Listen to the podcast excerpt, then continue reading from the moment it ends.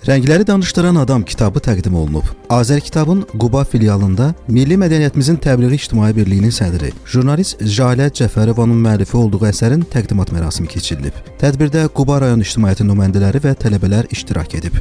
Kitab Atatürkün Naturadan ilk rəsmini çəkmiş dünyaca məşhur rəssam İbrahim Safinin həyat və yaradıcılığına həsr olunub. İbrahim Safi əslən Naxçıvandandır. Azərbaycan və Türkiyənin ortaq dəyəri hesab edilir. 1919-cu ildən İstanbula köçərək ömrünün sonunadək ikinci vətən hesab etdiyi Türkiyədə yaşayıb yaradıb.